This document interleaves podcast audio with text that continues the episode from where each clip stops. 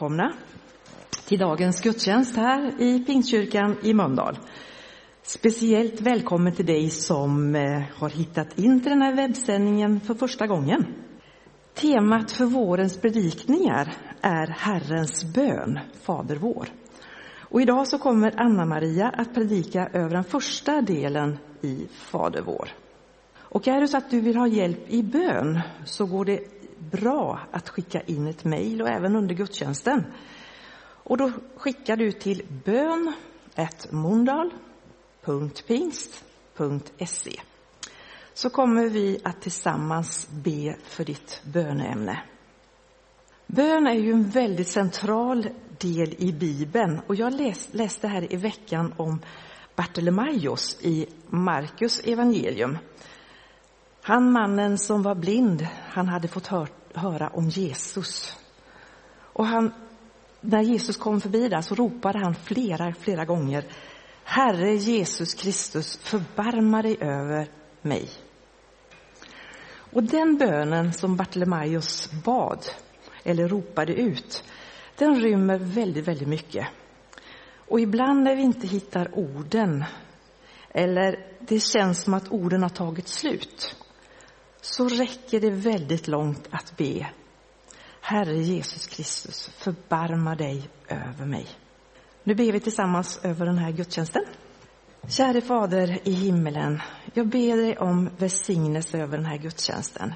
Jag ber dig över välsignelse för de som ska delta i den här gudstjänsten, Herre, och för alla som sitter där hemma och lyssnar in och ser över sin skärm, Herre. Tack Fader i himmel att du omsluter oss alla med din kärleksfulla hand. Jag tackar dig för det. Tackar du tar hand om den här gudstjänsten nu i Jesu namn. Amen. Precis som Karina sa i början så har vi startat upp en predikoserie den här, den här våren då vi då kommer gå igenom Herrens bön tillsammans. Och förra söndagen så inledde Johan med att predika om Herrens bön.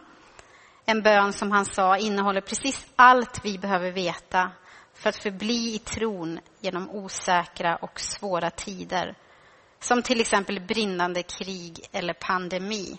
Han refererade bland annat till slutet av andra världskriget i Tyskland där en pastor och teolog predikade Herrens bön mitt i det brinnande kriget. Och man kunde tycka, varför, varför gör han det? Men för människorna där blev det något att hålla fast vid. Och Herrens bön är ju någonting som förenar oss eh, troende över hela världen. Och det är en bön som kan hjälpa oss också att på något sätt vara en mall för vårt böneliv. Om hur vi ska börja eh, våra böner ibland. Då kan den sätta en mall. Eh, och när jag var yngre så var jag på massa läger. Jag har varit uppväxt på läger och jag eh, har gått, även gått bibelskola. Och på de här lägren och även på bibelskolan så var det ett drama som alltid återkom. Och det gick ut på att en person skulle sätta sig och börja be Fader vår. Och personen börjar rabbla Fader vår som är i himlen och blir helt plötsligt avbruten av en röst som säger Ja, vad vill du? Eh, tyst, jag ber, säger personen. Och så får personen börja om och säger Fader vår som är i himlen. Och då kommer den här rösten igen. Ja, vad vill du? Du talade till mig. Avbryt mig inte när jag ber, säger personen frustrerat och börjar om igen. Och så här håller det på ett tag tills personen inser att det är Gud som talar. Gud vill tala med mig under tiden jag ber Fader vår. Och dramat går ut på att Fader vår är inte bara en bön vi ska rabbla, utan det är faktiskt kommunikation med Gud, Fadern själv. Eh, och man kan följa den här bönen ända till slutet då. Hur man går igen, personen går igenom sitt liv och Gud liksom pekar på olika saker i personens liv. Så det kan få vara en grund att Fader vår är inte bara en bön vi ska rabbla, utan bön, det är en bön som är kommunikation med Gud. Och bönen börjar ju med vår far i himlen. De första orden i bönen de lägger grunden till all bön. Vem vi talar med vår fader. Och det är Jesus som lär sina lärjungar vart de ska adressera sin bön. Att börja direkt med tillbedjan. Att på något sätt förlora sig i vem Gud är redan från början.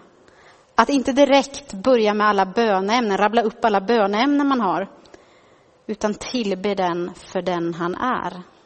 Och det är svårt tycker jag. Jag märker själv när jag ska be att jag gärna börjar, ja, Gud, du ser det här och du hjälper mig med det här. Och, eh, men att försöka hela tiden komma tillbaka till, vem är det jag ber till? Och börja där. För bön, det handlar om kommunikation, relation och gemenskap. Tillsammans med Gud och med varandra. Och som sagt så börjar ju bönen med vår, eller Fader vår. Men jag tar vår far i himlen som det står i bibeltexten. Lägg märke till att det börjar med vår, inte min. Vi ber tillsammans till vår fader. Vi ber inte själva. Det är ingen privat bön. Du hittar inte jag eller mig eller mitt någonstans i den här bönen, men du hittar däremot vår, vi och oss. Och att bönen börjar med vår visar ju på gemenskap med Guds barn världen över. När du ber vår Fader så förenas du med alla andra troende och bekänner ditt beroende av Gud lika mycket som alla andra.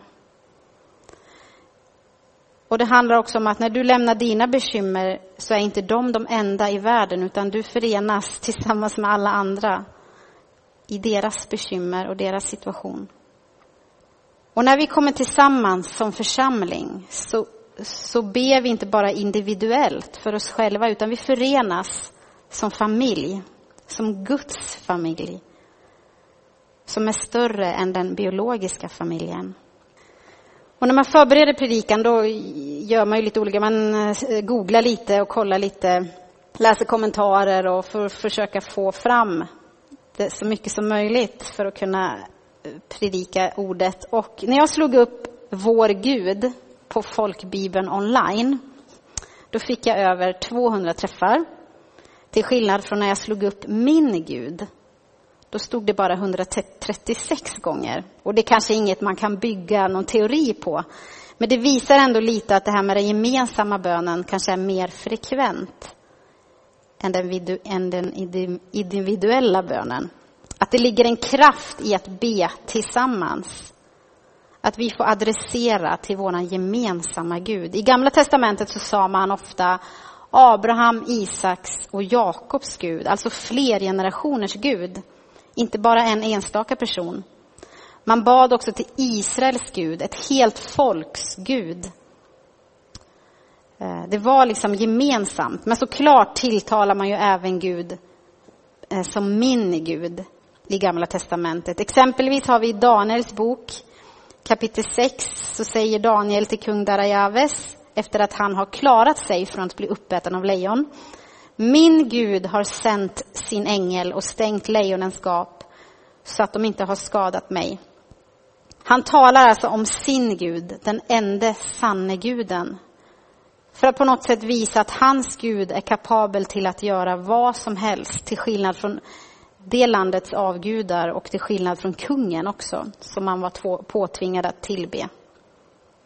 I psalm 22 hittar vi Min Gud, min Gud, varför har du övergivit mig? Något som Jesus också citerar när han hänger på korset. Paulus kallar också Gud för min Gud i sina brev till olika församlingar. Och, och han visar ju på den personliga relation han faktiskt hade med Gud. Och att han höll fast vid sin Gud mitt i de, den situation han befann sig i. Så Gud är personlig. Han är din, han är min Gud, men han är också generationers Gud. Vår Gud, vår far. Och så kommer vi till nästa ord. Far. Vår far i himlen. Och ordet far, det kanske väcker många olika känslor hos oss. Vem är vår far? Gud, han är ju den fullkomliga fadern. Hos honom finns allt som ska finnas hos en faders gestalt. Och Jesus, han hade ju otroligt förtroende för sin far. För de var ju ett. Och i bara första meningen, Fader vår, eller vår far som är i himlen, där hittar vi flera perspektiv.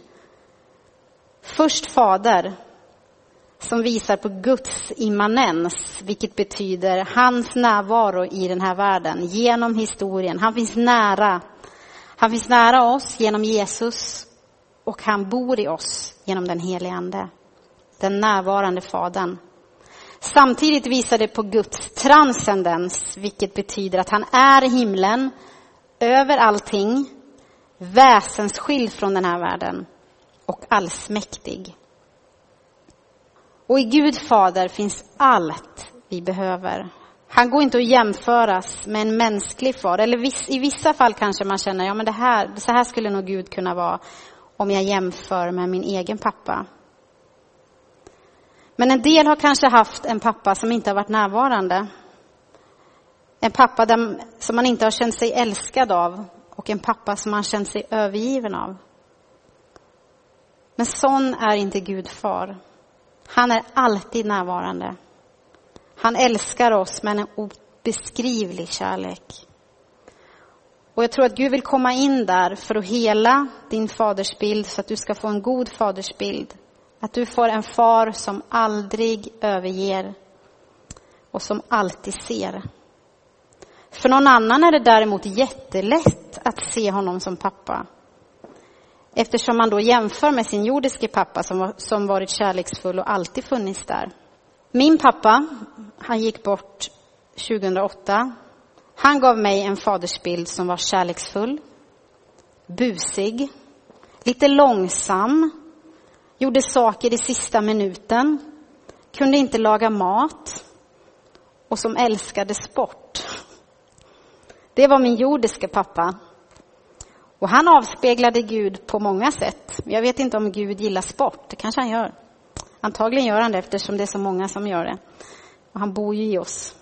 Men Gud är så mycket mer, Gud är så mycket större än vår jordiske pappa. Han är fullkomlig, den bästa pappan. Och tror du på Jesus och har tagit emot honom i ditt hjärta så är du ett Guds barn och du har Gud till din far. Paulus säger i Galaterbrevet 3.26 eh, att alla är ni Guds barn genom tron på Kristus Jesus. Han säger även i Romarbrevet 8, 14-16, alla som drivs av Guds ande är Guds barn. Ni har inte fått slaveriets ande så att ni på nytt måste leva i fruktan. Nej, ni har fått barnaskapets ande och i honom ropar vi Abba, far. Anden själv vittnar med vår ande att vi är Guds barn. Och det här ordet Abba, det är ett arameiskt ord för far eller pappa. Eh, som Jesus använde bland annat när han var i ett semane inför sin död. Då säger han Abba, far. Det är en förtroligt ord för pappa. Han säger allt är möjligt för dig. Ta den här bägaren ifrån mig. Men inte som jag vill, utan som du vill. Här uttrycker Jesus pappa i sin livs svåraste stund. Förtröstan på Gud är total. Låt det bli som du vill, pappa. Och jag tror att Gud önskar att vi som hans barn ska ha samma tillit till honom. Att våga överlämna våra liv helt till pappa Gud och lita på att han har kontrollen. Du och jag, vi kommer aldrig behöva bära världens synd på våra axlar. För det har Jesus redan gjort. Vi går igenom svåra perioder och tider i våra liv. Vi kan leva med ångest eller uppleva det. Men Gud vill vara vår far, din och min far, mitt i detta. Och han förstår mycket väl vad det handlar om. Jesus säger också i Johannes 14, jag ska be Fadern och han ska ge er en annan hjälpare som ska vara hos er för alltid, sanningens ande. Världen kan inte ta emot honom, för världen ser honom inte och känner honom inte. Ni känner honom, för han förblir hos er och ska vara i er. Jag ska inte lämna er faderlösa, jag ska komma till er. Vilket löfte, jag ska inte lämna er faderlösa. Ta emot den idag. Och sen har vi sista delen i den här första meningen. Vår far i himlen. Här betonas var Gud är, vad han omger sig med. Han är en himmelsk far. Han är över allting. Och som jag sa innan, en nära Gud, men ändå bortom i en annan dimension. På en plats som präglas av härlighet, ljuvlighet, makt, auktoritet och storhet. Frasen i himlen refererar till himlen som universums centrum och platsen för makt, härlighet och kraft. Vi människor, vi som är på jorden, vi är små. Vilket betyder att när vi ber så, ut, så ber vi utifrån en situation av beroende och av svaghet. Men Gud är i en helt annan position. Så när du ber vår far i himlen bekänner du att Gud är överallt. Du bekänner Guds herravälde och att han har makt. Och utifrån det kan du få förtröstan på att han faktiskt kan höra dig och hjälpa dig. Han som är i himlen, han har alla möjligheter. Han har all kontroll. Om vi återgår, tar de här orden igen. Vår Fader, vår. Det talar om gemenskap, om den gemensamma bönen, att han är vår far. Far, han tal, det talar om familj, om en nära relation, att Gud är nära. Och i himlen talar om auktoritet, att Gud har makt och härlighet. Eller varför inte ta ett annat perspektiv? Vår. Jag ber tillsammans med andra. Jag är inte ensam. Fader. Jag ber till honom som bryr sig om mig.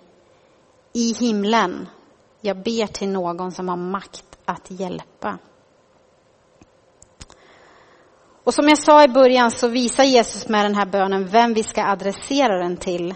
Bönen inleds inte med gör det, hjälp mig med det.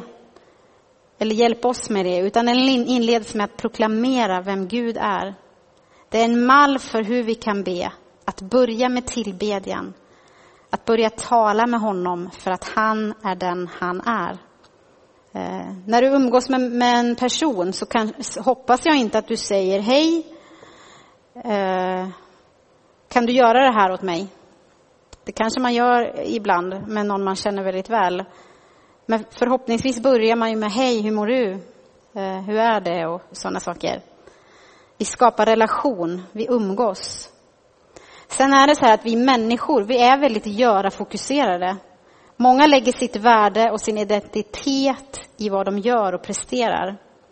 Men så var det faktiskt inte tänkt.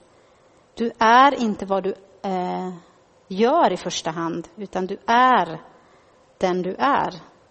Och Gud, han presenterar sig inte som jag gör när han presenterar sig för Mose i den brinnande busken, utan jag är. Jesus säger inte heller jag gör den gode herden, jag gör vägen, sanningen och livet. Han säger jag är. Han är den gode herden. Det är den han är. Så låt oss i första hand tillbe honom för den han är. Och vi har mängder av eh, exempel i Bibeln där man trots en tuff situation ändå börjar adressera med vem Gud är. Bara för att ta något exempel så har vi psalm 63 där David, han befinner sig i Judaöken i flykt från Saul. Och in, psalmen inleds med Gud, du är min Gud. Tidigt söker jag dig. Och sen kommer det lite andra saker fortsättningsvis. Men det han gör är att han adresserar Gud, det första han gör. Den psalm jag var inne på innan, min Gud, min Gud, varför har du övergivit mig? Eh, där avslutas, eh, några verser senare så står det, står det, ändå är du den helige som tronar på Israels lovsånger. Så om det börjar med förtvivlan så landar det alltid i tillbedjan. Vi har också exempel från eh, eh, Nya testamentet där man mitt i en svår situation ändå proklamerar Gud. Ifrån Apostlagärningarna 4 så står Petrus och Johannes inför rådet. De har varit i fängelse just för att de har predikat Jesus. Eh, och när de kommer tillbaks till sina syskon efter att ha blivit frisläppta och berättar vad översteprästerna har sagt till dem, så börjar inte församlingen med att kasta sten mot ledarna, utan de ropar Herre, du som har gjort himmel och jord och hav och allt som finns i dem och så vidare. Alltså de börjar tillkalla vem Gud är. Och det är starkt tycker jag, att man mitt i en kris ändå ropar och upphöjer Gud. Och det finns massa exempel att hitta från Bibeln på sådana här eh, saker, att man börjar med Gud. Så ta gärna en stund hemma och eh, sök efter böner, sök efter tillbedjan. Vad ber du för just nu i ditt liv? Varför inte börja med Gud? Bekänn vem han är. För det kommer hjälpa dig att lyfta fokus. Vilka konkreta steg kan du ta den här veckan för att ha en mer tillbedjande attityd i din vardag? Och varför inte be tillsammans med andra, med dem du kan umgås med och får träffa? Men använd också de digitala resurserna vi har, även om jag vet att många av er kanske har tröttnat. Vi behöver hålla ut. Det är det enda vi kan göra just nu. Så se det, försök att fortsättningsvis se det som en möjlighet i den här tiden som blivit lite längre än vi räknat med. Och varannan onsdag nu så kommer vi att från och med eh, nästa vecka mötas via Teams och ha gemensam bön. Och det kommer skickas ut en länk där du kan eh, logga in dig och vara med i den gemensamma bönen. Där vi får se varandra, vi får höra varandra och mötas på det sättet. Så gå in där och anslut dig klockan sju på onsdag så kommer vi kunna be tillsammans där. Prioritera gärna det. Och har du svårt att komma in på Teams, så be gärna någon annan att hjälpa dig logga in. Jag ska avsluta den här predikan med att vi ber Fader vår tillsammans. Det ska vi göra. Fader vår som är i himmelen. Helgat vare ditt namn. Tillkomme ditt rike. Ske din vilja. Så som i himmelen, så och på jorden. Vårt dagliga bröd giv oss idag och förlåt oss våra skulder så som och vi förlåta dem oss skyldiga äro. Och inled oss icke i frestelse, utan fräls oss ifrån ondo. Ty riket är ditt och makten och härligheten i evighet. Amen.